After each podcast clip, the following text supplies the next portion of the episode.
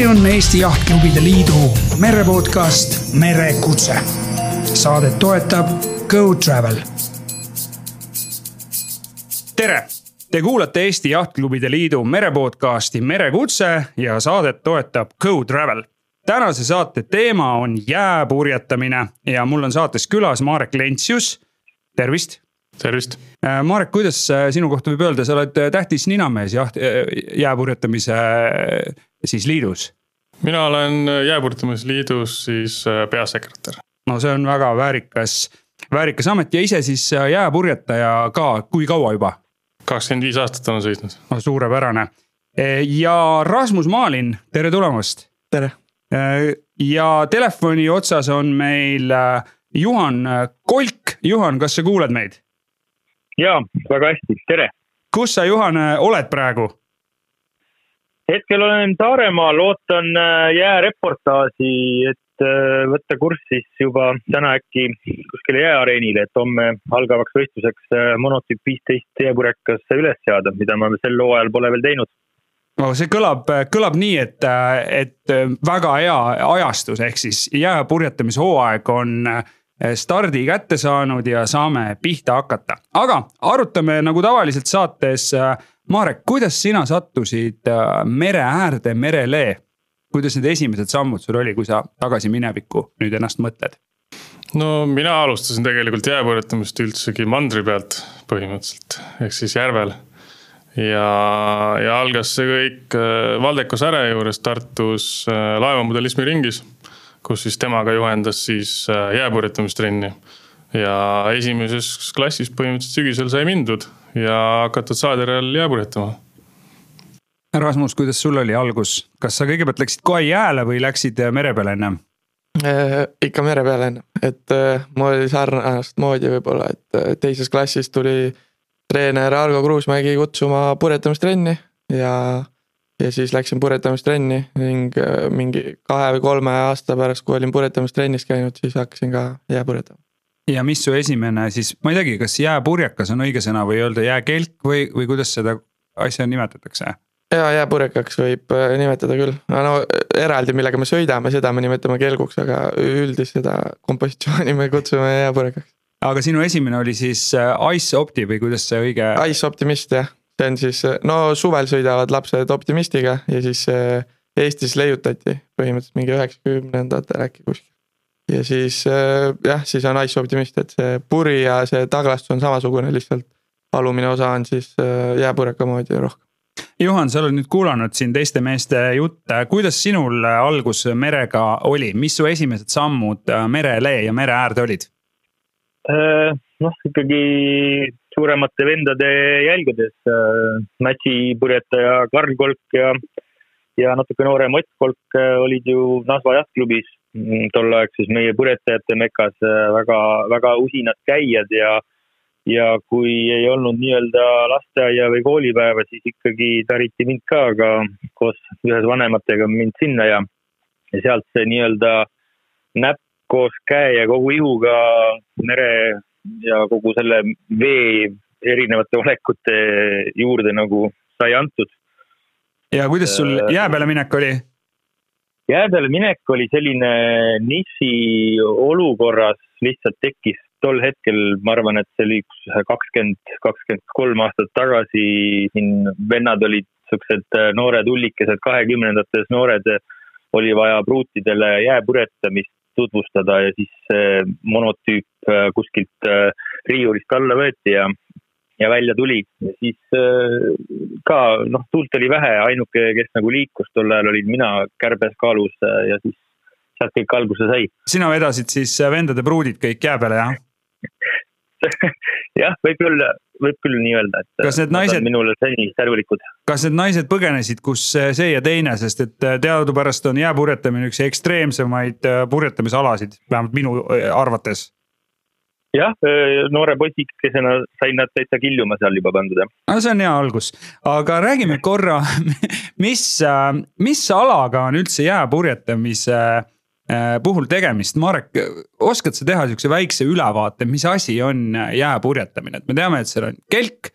seal liigub uiskude peal, seal on puri Neid on erinevaid, osad on kahe mehe omad ja osad on ühe mehe omad. aga ole hea. No põhimõtteliselt kõige levinumate klasside järgi me saamegi jääpurjekat siis jagada kolmeks. mis on meil siis täiesti noorteklass äh, lastele ja naisoptimist, see on kuni kuueteist aasta vanustele. siis sealt edasi lähevad siis noored ilmselt TN-i sõitma, kus on siis TN juuniorid ja seeniorid TN on ka siis maailmas kõige rohkem harrastatud äh, jääpurkaklass. Et äh, ta on nii Euroopas kui ka Ameerikas on ta väga levinud. ja kolmas klass siis, mida Euroopas palju sõidetakse, ongi siis monotüüp viisteist, mis on kahe mehe paat. et enamjaolt kõikidel paatidel on all kolm uisku erinevuseks on siis see, et Ice Optimistil ja DN-il on üks uisk, rooliuisk on ees ja monotüübil on üks uisk, rooliuisk on taga. Et monotüüp on kuidagi teist, teistpidi ehitatud. no mono, monotüübi mees on meil Saaremaal kohe valmis rääkima monotüübi hingeelust, aga, aga räägime korra sellest DN-ist, see on jube kiire paat, ta võib ju teha põhimõtteliselt sada kilomeetrit tunnis, nagu ma olen lugenud. et kuidas Rasmus on, oled sa sada kilti tunnis kätte saanud? ja, ja ma arvan, et olen küll, aga ma viimastel aastatel olen hakanud äh, track ima selle käekella GPS-iga. Et siis mul on võib-olla mingi üheksakümmend kuus olnud äh, maksimum. aga, aga ega siin legendid räägivad, et on ka saja kolmekümne ja saja neljakümnega sõidetud, nii et. üheksakümmend tuleb ikkagi väga-väga lihtsasti. aga korra, et mis seal, kas see on mingisugune valmis asi või on see midagi, mida on vaja ise ehitada jooniste järgi, kas ma saan minna poodi ja osta endale näiteks DN-i või, või kuidas see käib? avage mulle seda imelist maailma. No algselt, kuidas see DN üldse tekkis, oligi, et DN tähendab siis Detroit News'i ehk siis Põhja-Ameerikas Detroitis ajaleht tegi ühe ühe kuulutuse, konkursi, et, et kõik inimesed või keegi purjetamise harrastajad saaksid siis endale DN-i ehitada, ehk siis algselt see oli väga et oligi, et kõik tegid iseendale, aga nüüd, kui keegi tahaks jää purjetama hakata ja tahaks endale DN-i osta, siis esiteks äh, teise käigu kaupa on väga palju saadaval ja ka, ja ka Eestis äh, vähemalt Vaiko teeb väga häid DN-i kelke, nii et põhimõtteliselt, kui sa tahaksid, siis on olemas tootjad, kellest sa saad need kõik asjad osta, mis sul vaja on. nii et põhimõtteliselt, kui ma tahan, saan osta nii uue kui kasutatud variandi?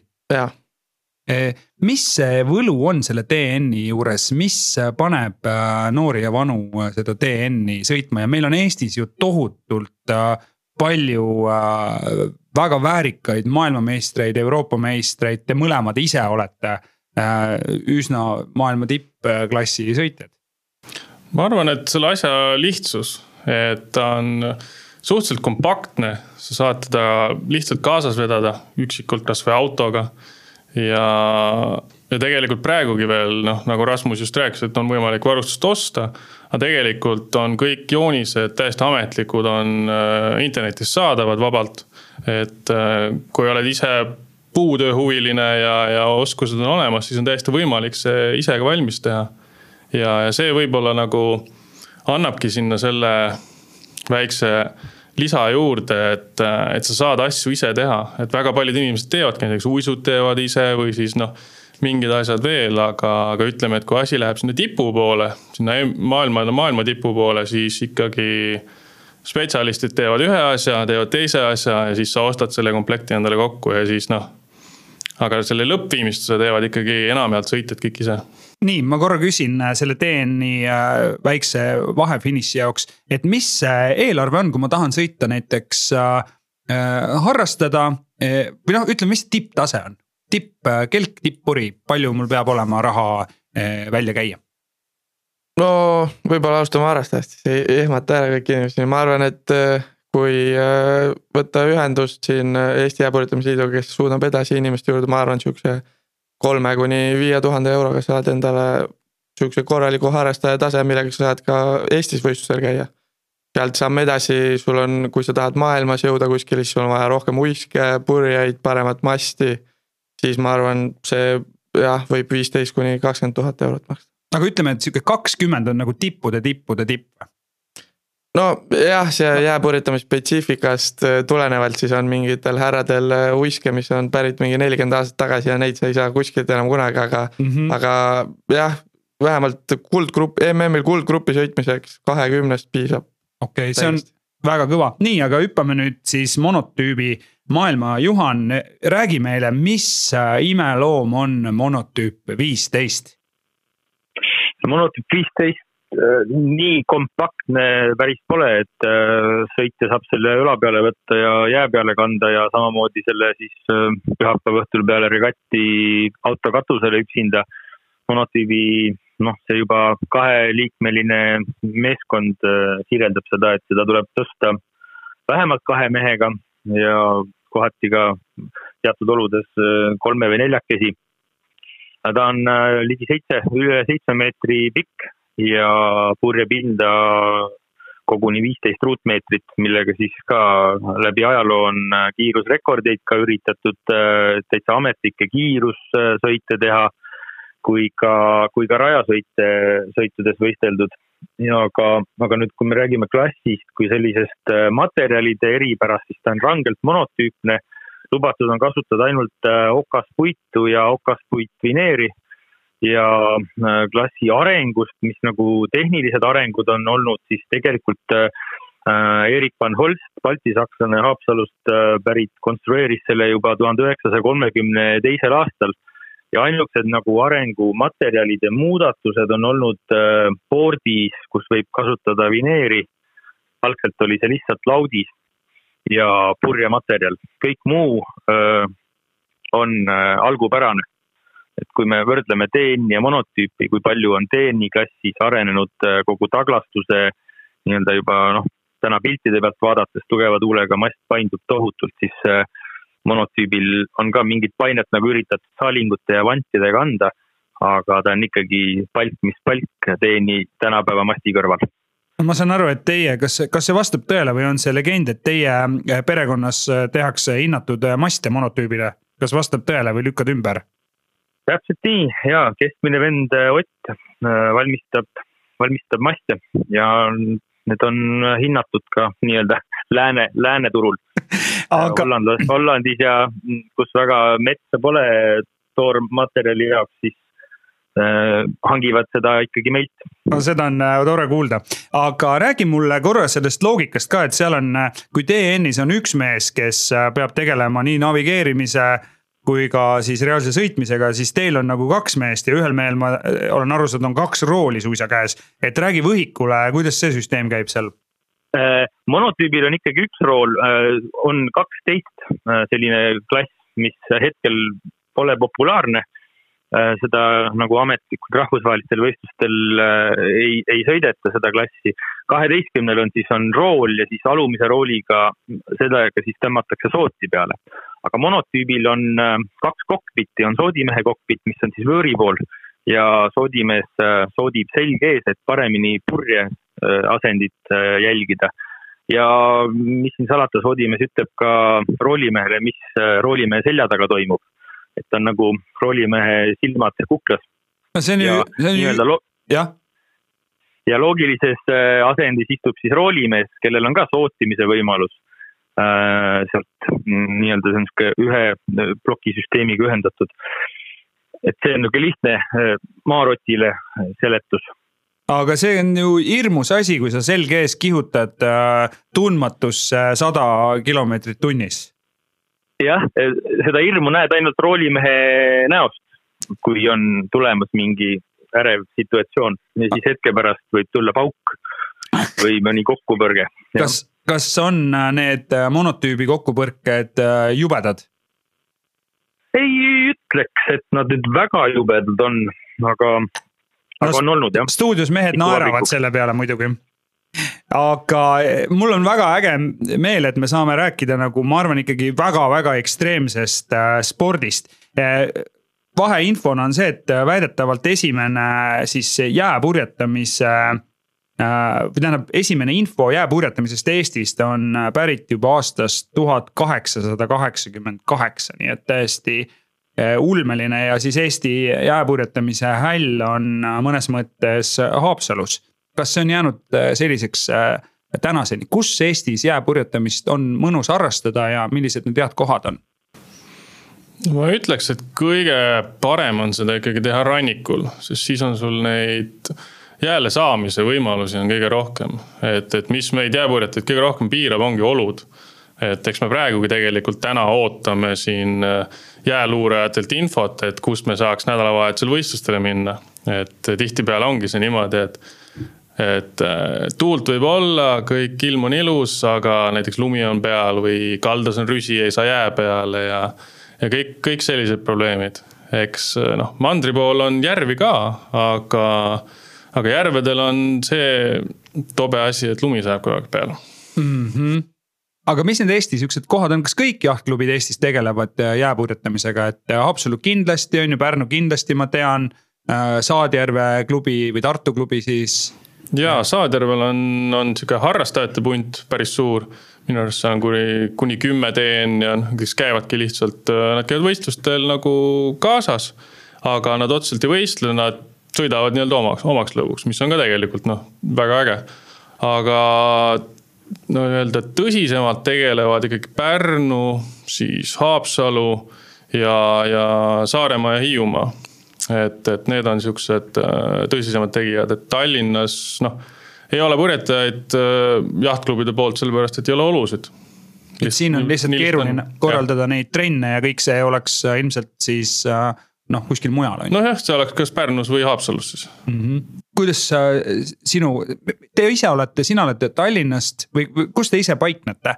hetkel Tallinnas mõlemad ja mina olen Pärnust pärit, aga mina olen ka Tallinnas. kuidas see Pärnu värk oli, kui nüüd võtta tagasi ajas, et, et kuidas need esimesed trennid olid ja kas su vanemad olid rõõmsad, et sa lähed külmetama kuskile jää peale mingi imeliku asjaga?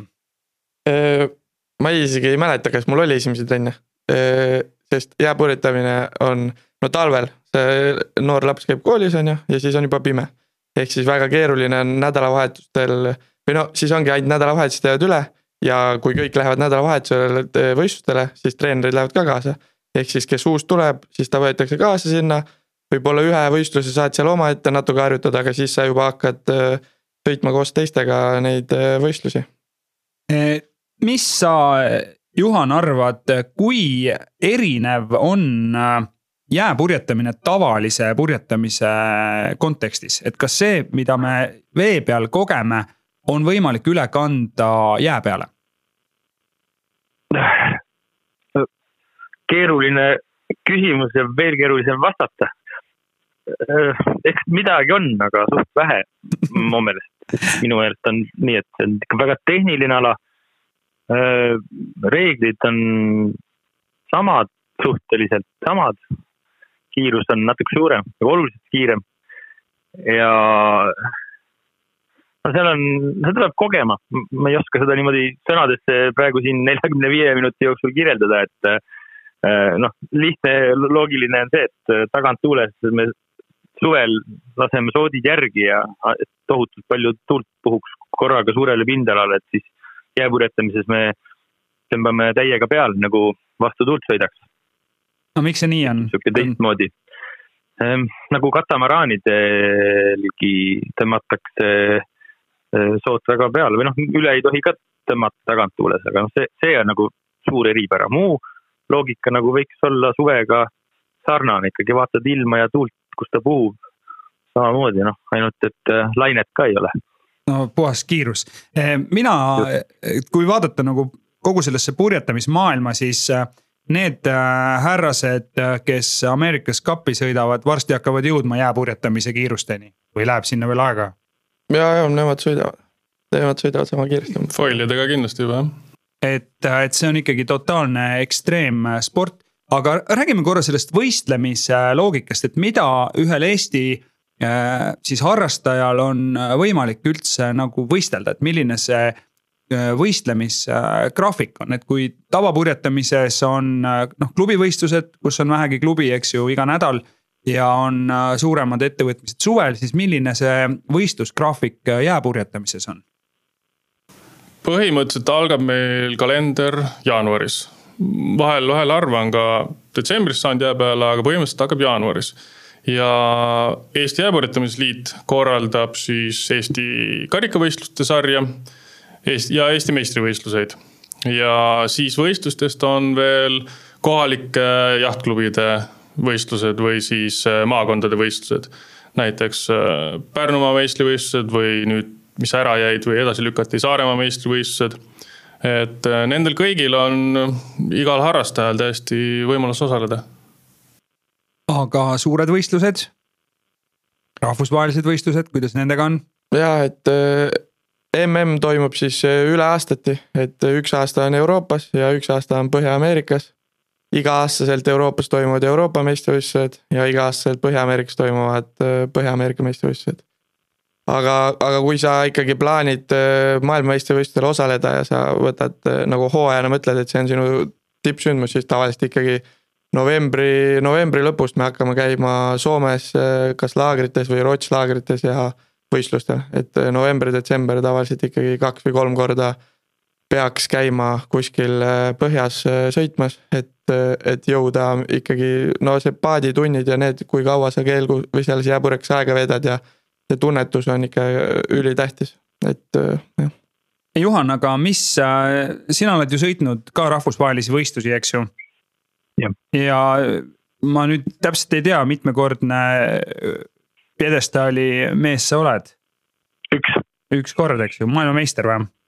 Euroopa meister. Euroopa meister, vabandust, minu eksimine, aga ütle, mis, mis pilt seal Euroopa meistrivõistlustel avaneb, et kui, kui tõsine ja kui tihe see rebimine seal esimeses otsas on?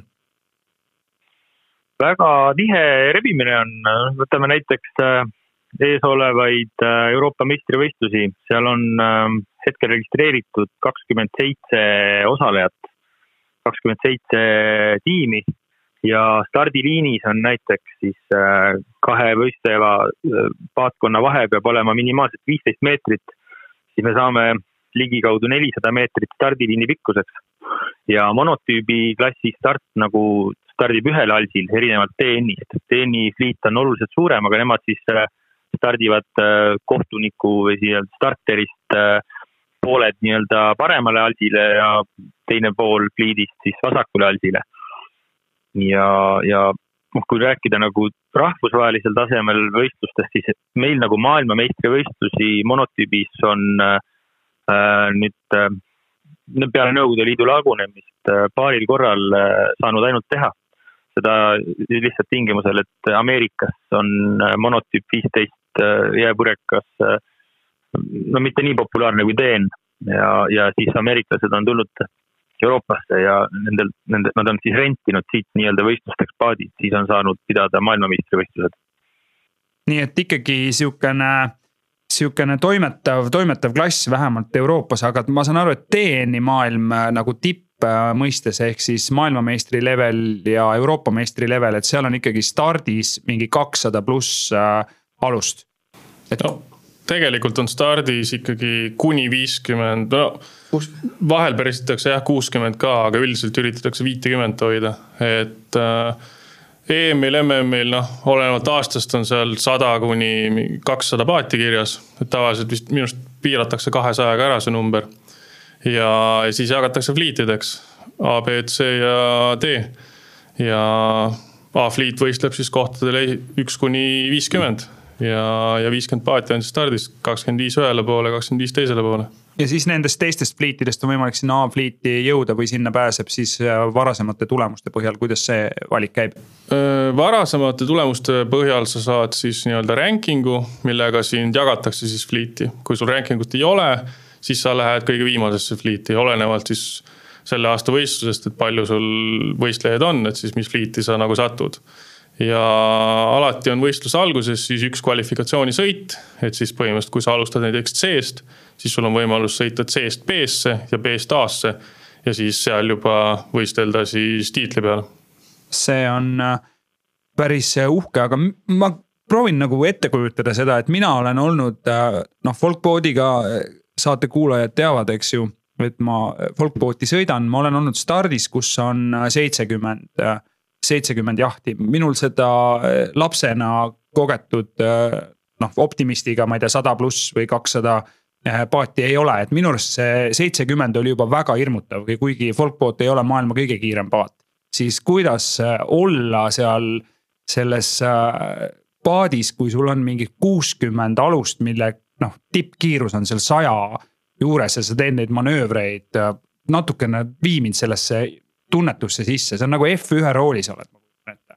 Nojah, et mere ja, või see tähendab, et suvepurjetamine, jääpurjetamine selles suhtes erinev, et stardis me keegi ei liigu. selles suhtes, et see mass seisab koha peal ja siis, kui see kohtunik annab stardi siis kõik alguses jooksevad sellele kelguloo sisse ja siis hakkavad puretama.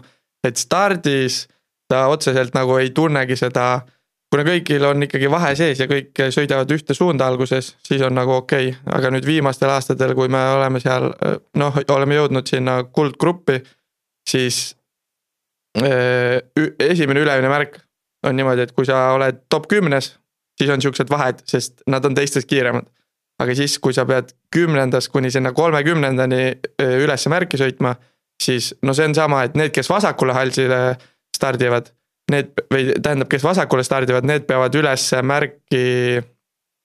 Need peavad ülesse märki siis sõitma vasaku halsiga ja kui sul tuleb kakskümmend või kolmkümmend paati parema halsiga ja sul ei ole kuskile minna, siis on ikka, siis vot siis, kui seal hetkes oled, siis sa mõtled, no mis sa teed nüüd, et kolmkümmend sõpra tulevad sul sada kilti tunnis vastu ja siis sina sõidad teise asjaga sada kilti, siis mõtled, no kellele ma ette või vahele kuskile keeran, et see on nagu. See on, seda on isegi vaadata väga, väga lahe. jah, ja siis sul on veel lisaks äh, viis paati ühel pool, viis paati teisel pool, mis ei lase sul luhvata ega vallata. ja siis sa otsid täpselt selle augu sinna vahele. ma ei kujuta seda ausalt öeldes ette, see meenutab mulle, ma ei tea, mida, ma ei ole no, mida. kujuta ette India Eh, liiklust ja siis ristmikku. umbes selline pilt on seal, kui paadid sõidavad üksteise vahelt läbi. aga reeglid kehtivad. jah. See on äh, hirmus, aga Juhan, oled sa meiega veel?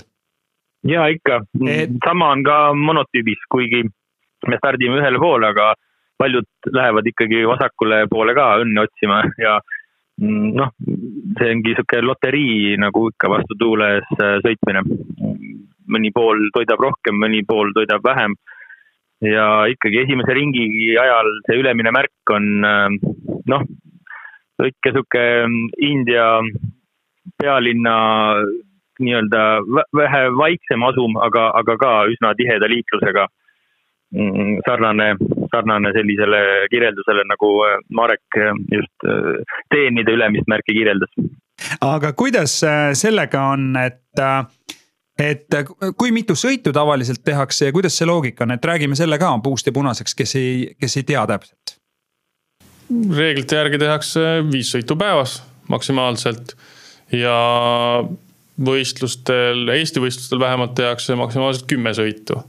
et äh, kui on, noh üldiselt on kahepäevased võistlused, et kasutatakse nädalavahetust ära, et Eesti meistrivõistlused on kolm päeva. lihtsalt selle jaoks, et äh, saaks äh, rohkem sõite teha, saaks äh, hajutada natukene, teha noh, vähem sõite päevas. ja, ja et oleks võimalik ka reservpäeva kasutada, et, et kui näiteks nagu eelmine aastaga oli, et esimene päev reedel oli lihtsalt nii kõva tuul, et, et ei saanud jääle minna. aga suuremad võistlused on ikka kuskil nädal aega kestavad, et seal ongi see, et võidakse ära sõita ka paari päevaga ja otsustatakse ära, et, et nüüd on kõik, et äh, olusid rohkem ei ole ja rohkem ei sõida. Või siis jällegi oodatakse kolm või neli päeva lihtsalt äh, jää peal ja siis viimasel päeval tehakse kolm sõitu ära, et võistlus kirja saada. Nii, aga mul on ikkagi see, et kui ma vaatan seda eestlaste, eestlaste tegemist selles äh, jääpurjetamise maailmas, siis meil on Ain Vilde, eks ju Äh, maailmameister, meil on Endel Vooremaa, meil on äh, Mati Kuulmann, meil on Künno Kalk, meil on Helmut Lepik, meil on Jüri Šaraškin.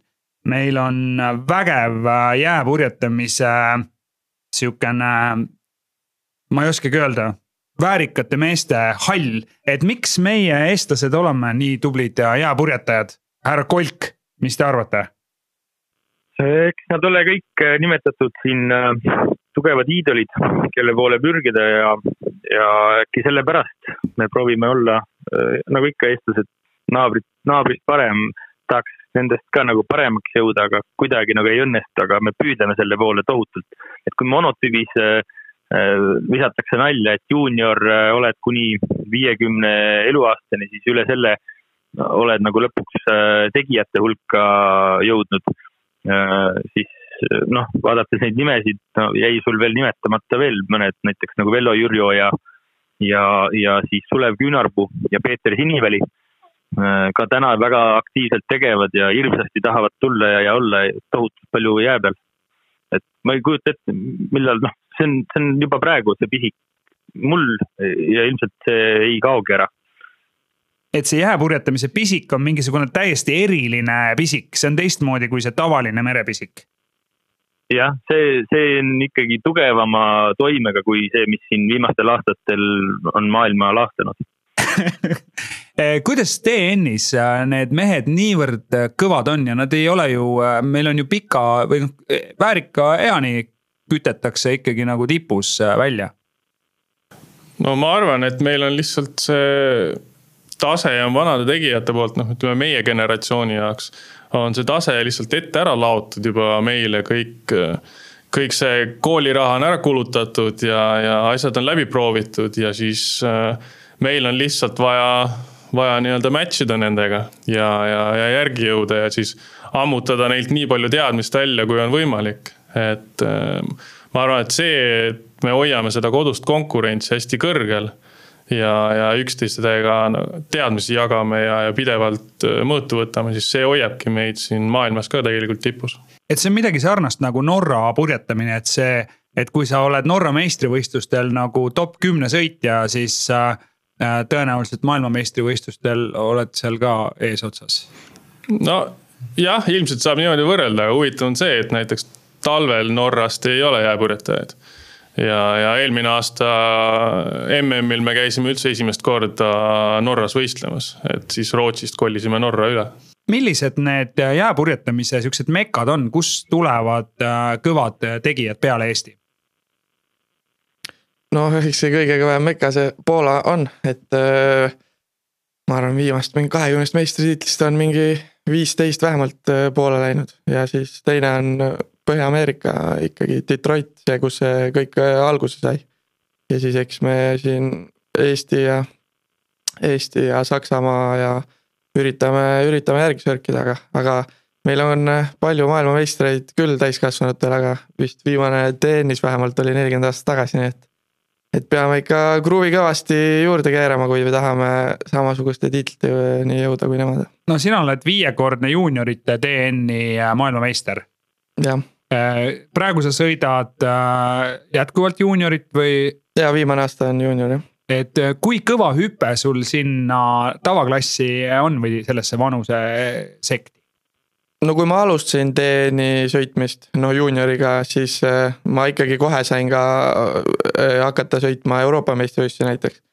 aga ma arvan, mul läks samm paralleelselt sõites siis neid juuniorivõistlusi ja siis täiskasvanute võistlusi, siis ma arvan, mul läks äh, kolm või neli aastat, et jõuda kuldgruppi esimest korda. et äh, ja see, no juuniorite võistlusel on, sul on mingi kolmkümmend kuni nelikümmend võistlejat, aga siis, kui sa esimest korda lähed nagu, kui sa esimest korda lähed sinna maailmameistrivõistlusele või Euroopa meistrivõistlusele, siis sa seal stardis oled ja sõidad nendega, siis sa mõtled, et no jumal hoidku, et kuhu ma nüüd sattusin, noh. jah, ikka, see on äh, ebareaalne noh kui kõrgel meie mehed äh, TN-is hetkel on, kui vaadata Euroopa ja maailmameistrivõistlusi? või sa ütlesid, et äh, maailmameistritiitel oli neljakümne aasta taga, taguses ajas? no äh, ma, ma ei tea, kuidas seda nagu otseselt, no viimane medal meil vist oli kaks tuhat üheksateist ja medaleid me oleme võitnud erinevatel tiitlivõistlustel. et Vaiko on Euroopa meistriks tulnud, aga see mm on kuidagi Vaiko Vooremas ja, ja Argo Vooremaa ja Mihkel Kosk on võitnud medali.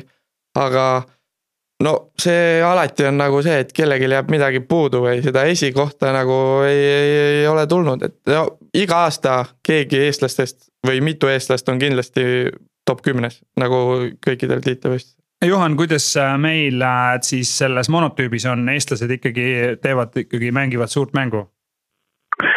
ja ikka, meil on äh, iga aasta Euroopa meistritiitli, Euroopa meistrivõistluste nii-öelda esikolmikul antakse ka riikidevaheline nii-öelda selline rändkarikas välja ja ähm, sealt äh, on enamasti eestlaste nimed, et me nagu, see on kolme parima nii-öelda riigi esindaja tulemust arvestatakse seal ja, ja eestlased on ikkagi top, top viies äh, igal juhul e-, esindatud siin viimastel aastatel, samamoodi ka äh, katkestajate hulgas ka samamoodi, et äh, on olnud nii häid kui halbu aastaid aga kuna see monotüüp on selline noh, keerulisem on ju, teda ei ole nii palju. kui elujõuline see monotüübi klass on, et kui palju on äh, teie klassis seda nooremat äh, rahvast tulemas peale? vahelduva eduga, aastad pole vennad ja, ja aga, aga nüüd viimastel aastatel nagu on Äh, tulnud paar äh, uut noortetiimi nagu juurde, kes varasemalt on sõitnud kas siis Ice Optimistiga või DN-iga. ja on nagu läinud sellise nagu, ma ei tea, ei tahaks öelda, et kergema vastupanu tee, vaid pigem nagu just keerulisema valiku teinud ja mis see äh, keerulisus pakubki nagu väljakutseid. Et ma arvan, et monotüübi hiilgeaeg on varsti uuesti taas sündimas Äh, olgu, kuidas meil TN-iga seis on, kas äh, noori tuleb peale ja kas neid äh, Ice Opti seilajaid jõuab sinna TN-i klassi ka? no praegu tegelikult on seis minu arust paranemas, et siin mõned aastad tagasi oli küll see, et juunioreid ei tulnud väga palju enam peale aga, aga nüüd on jahtklubid just teinud äh, kõva tööd noortega, et Ice Optimisti sõitjaid on juurde tulemas ja, ja noh, sealt siis ka järelkasvu TN-ile. kuidas sinu, sa oled üheksateist, kaheksateist? kakskümmend kolm. kakskümmend kolm, sa näed väga hea välja. aitäh. vabandust, et ma eksisin, aga noh, sa oled ikkagi noorema generatsiooni mees. et kui palju sinu, need tüübid, kellega sa koos omal ajal Optimisti sõitsid, kui palju sinna jääpurjetamise juurde jõudis, kas üldse? no Pärnust me mingil hetkel sõitsime ikkagi sama pundiga, kellega me sõitsime Optimisti, sõitsime siis Ice Optimisti. aga tänaseks on minu generatsioonist vist alles jäänud ainult üks peale minu nagu jääpurjetamise juurde. et äh, aga no see, eks see on raske, et kui sa Ice Optimistil sul varustuse tagab klubi. siis kui sa jõuad TN-i, siis jah, Pärnul näiteks on ka TN-ile mingi varustus olemas. aga kui sa sealt tahad hakata, selle varustusega sa võib-olla kuskile mingi maailma tippu võib-olla ei jõua, et kui sa sealt edasi tahad järgmist sammu teha, siis ikkagi on vaja kas leida sponsoreid või enda finantseeringut, et, et see samm edasi teha aga kas klubides on need äh, Ice optimistid olemas, ma tean näiteks küsisin äh, Tallinna jahtklubis, äh, öeldi, et on olemas, aga küsin, kas mõni laps ka käib trennis siis tegelikult vastus oli, et, et huvi ei ole ja mina oma lastega rääkides, kes siis mõlemad sõidavad, üks sõidab Zoom'i, teine sõidab Optimisti. et nad tegelikult ei teadnudki, et see, et, et seda on võimalik proovida, et see on nihuke push imise asi, aga kuidas Eestis üldiselt on? või see ongi väga erinev, erinevates klubides on erinevad traditsioonid? No eks see ongi see, et kus sa sõita saad, seal on ta populaarne. et äh, Tallinna jahtklubid äh,, kõik, mis siin on, need äh, ilmselt ei push'igi seda sellepärast, et ei ole kuskil sõita, et et see eeldab kõigilt seda, et treenerid siis sõidavad nädalavahetusel, siis ongi Pärnu, Haapsalu, kuhugi sinna. Aga Haapsalus ja, ja Saarel ja, ja siis Pärnus on lood ikkagi teised, noh, kus on olud on põhimõtteliselt akna taga olemas sul kuidas teil seal Saaremaal on, on äh, lapsed äh, jääpurjetamistrennis? hetkel pole, hetkel lõpetavad koolipäeva ja ma arvan, et äh, kiirustavad ka ruttu koju ja siis klubisse uuesti pakkima, sest siin selle vestluse ajal on tulnud homse, ülehomse võistluspaiga asukoht ja. nii? ja mandri, mandrimaal seekord, et tuleb tulla homme hommikul esimese või teise praamiga varakult Topulahele see on, see on siin stuudios mehed teevad äh, seda pöialt äh, püsti, aga räägi Aha. korra lastest, kuidas, kui keeruline on, sa oled ise õpetaja, eks ju. Juhan, sa näed neid saare lapsi, kas nende huvi purjetamise ja sealhulgas ka jääpurjetamise vastu nagu on olemas? on ikka, meil on Saaremaa Merispordi Seltsil tohutult vedanud äh, treeneritega äh,. meil on kolm treenerit, Mati Kolk, Kristiina Klaus ja Viktor Umb.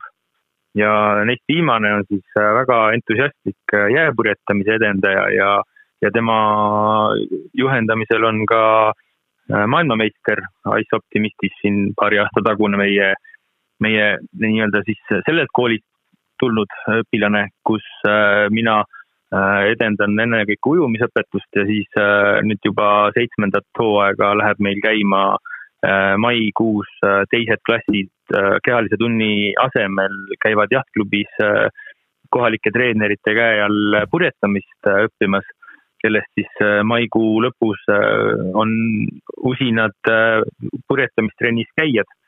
kui igast lennust sihuke viis-kuus last jääb purjetamise juurde suvepurjetamise juurde ja sellest veel omakorda kaks-kolm jäävad jääpurjetamise juurde, siis see on, see on äh, nii, nii-öelda meie Saaremaa siin selles huvihariduse keskkonnas väga hea tulemus eh, kuidas äh, Eestis üldiselt on, kas meil on äh, neid treenereid, kes saavad lapsi treenida? kuidas see pilt on sealt sinu vaatest? ma arvan, et meil on küll äh, asjalikke ja, ja tegusaid jääpurjetamistreenereid, kes, kes oskaksid juhendada Ice Optimisti noori. ja, ja ma usun, et neid leiaks tegelikult igast jahtklubist.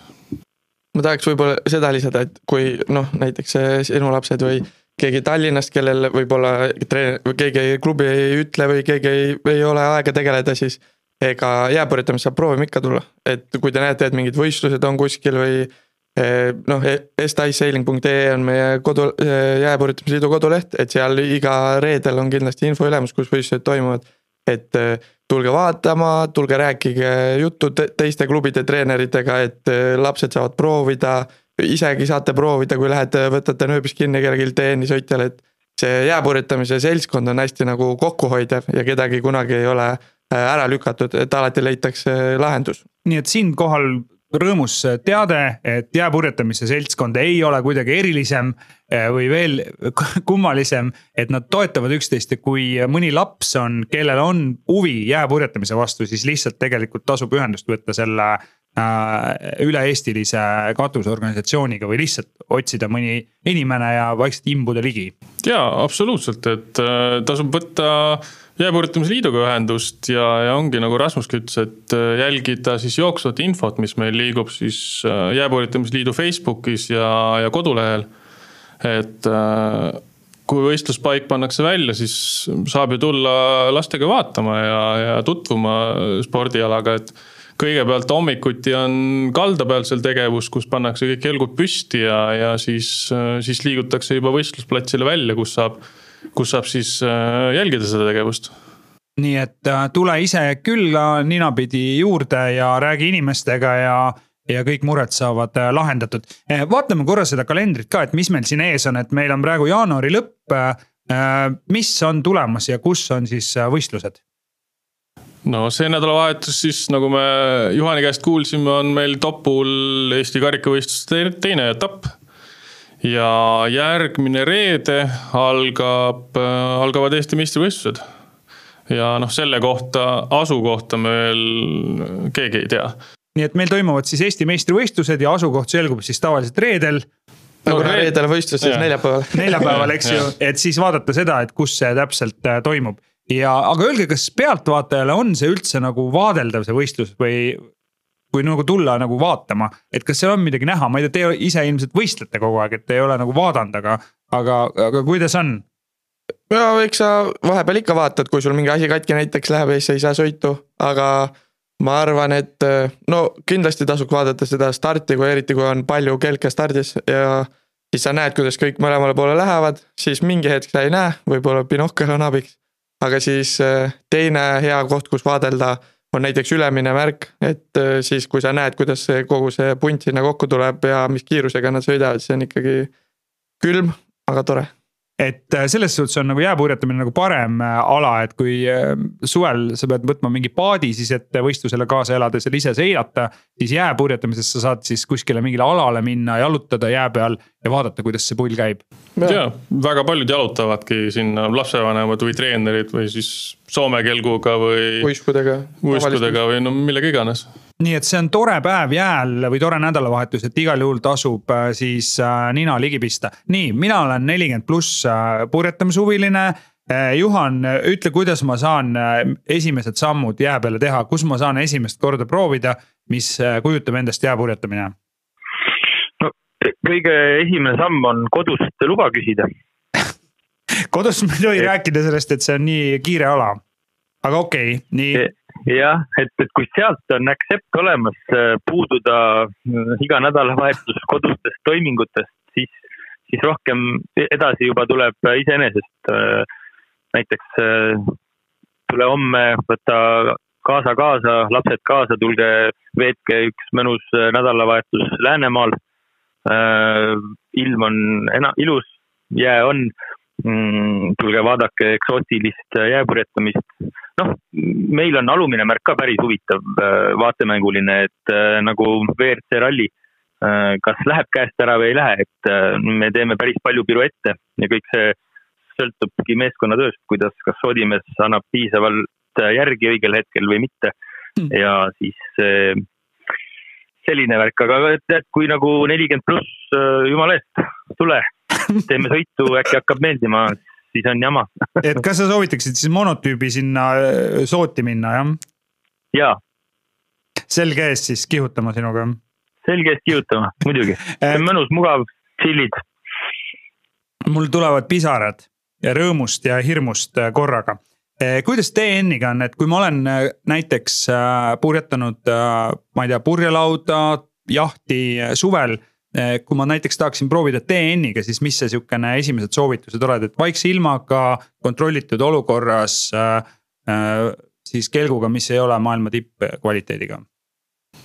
no ühesõnaga mõne vana rimakaga äkki kuskilt saab sõita ses suhtes on vanapaadiga lihtsam jah, et nad on üldjuhul on nad lihtsalt raskemad, jäigemad ja tugevamad.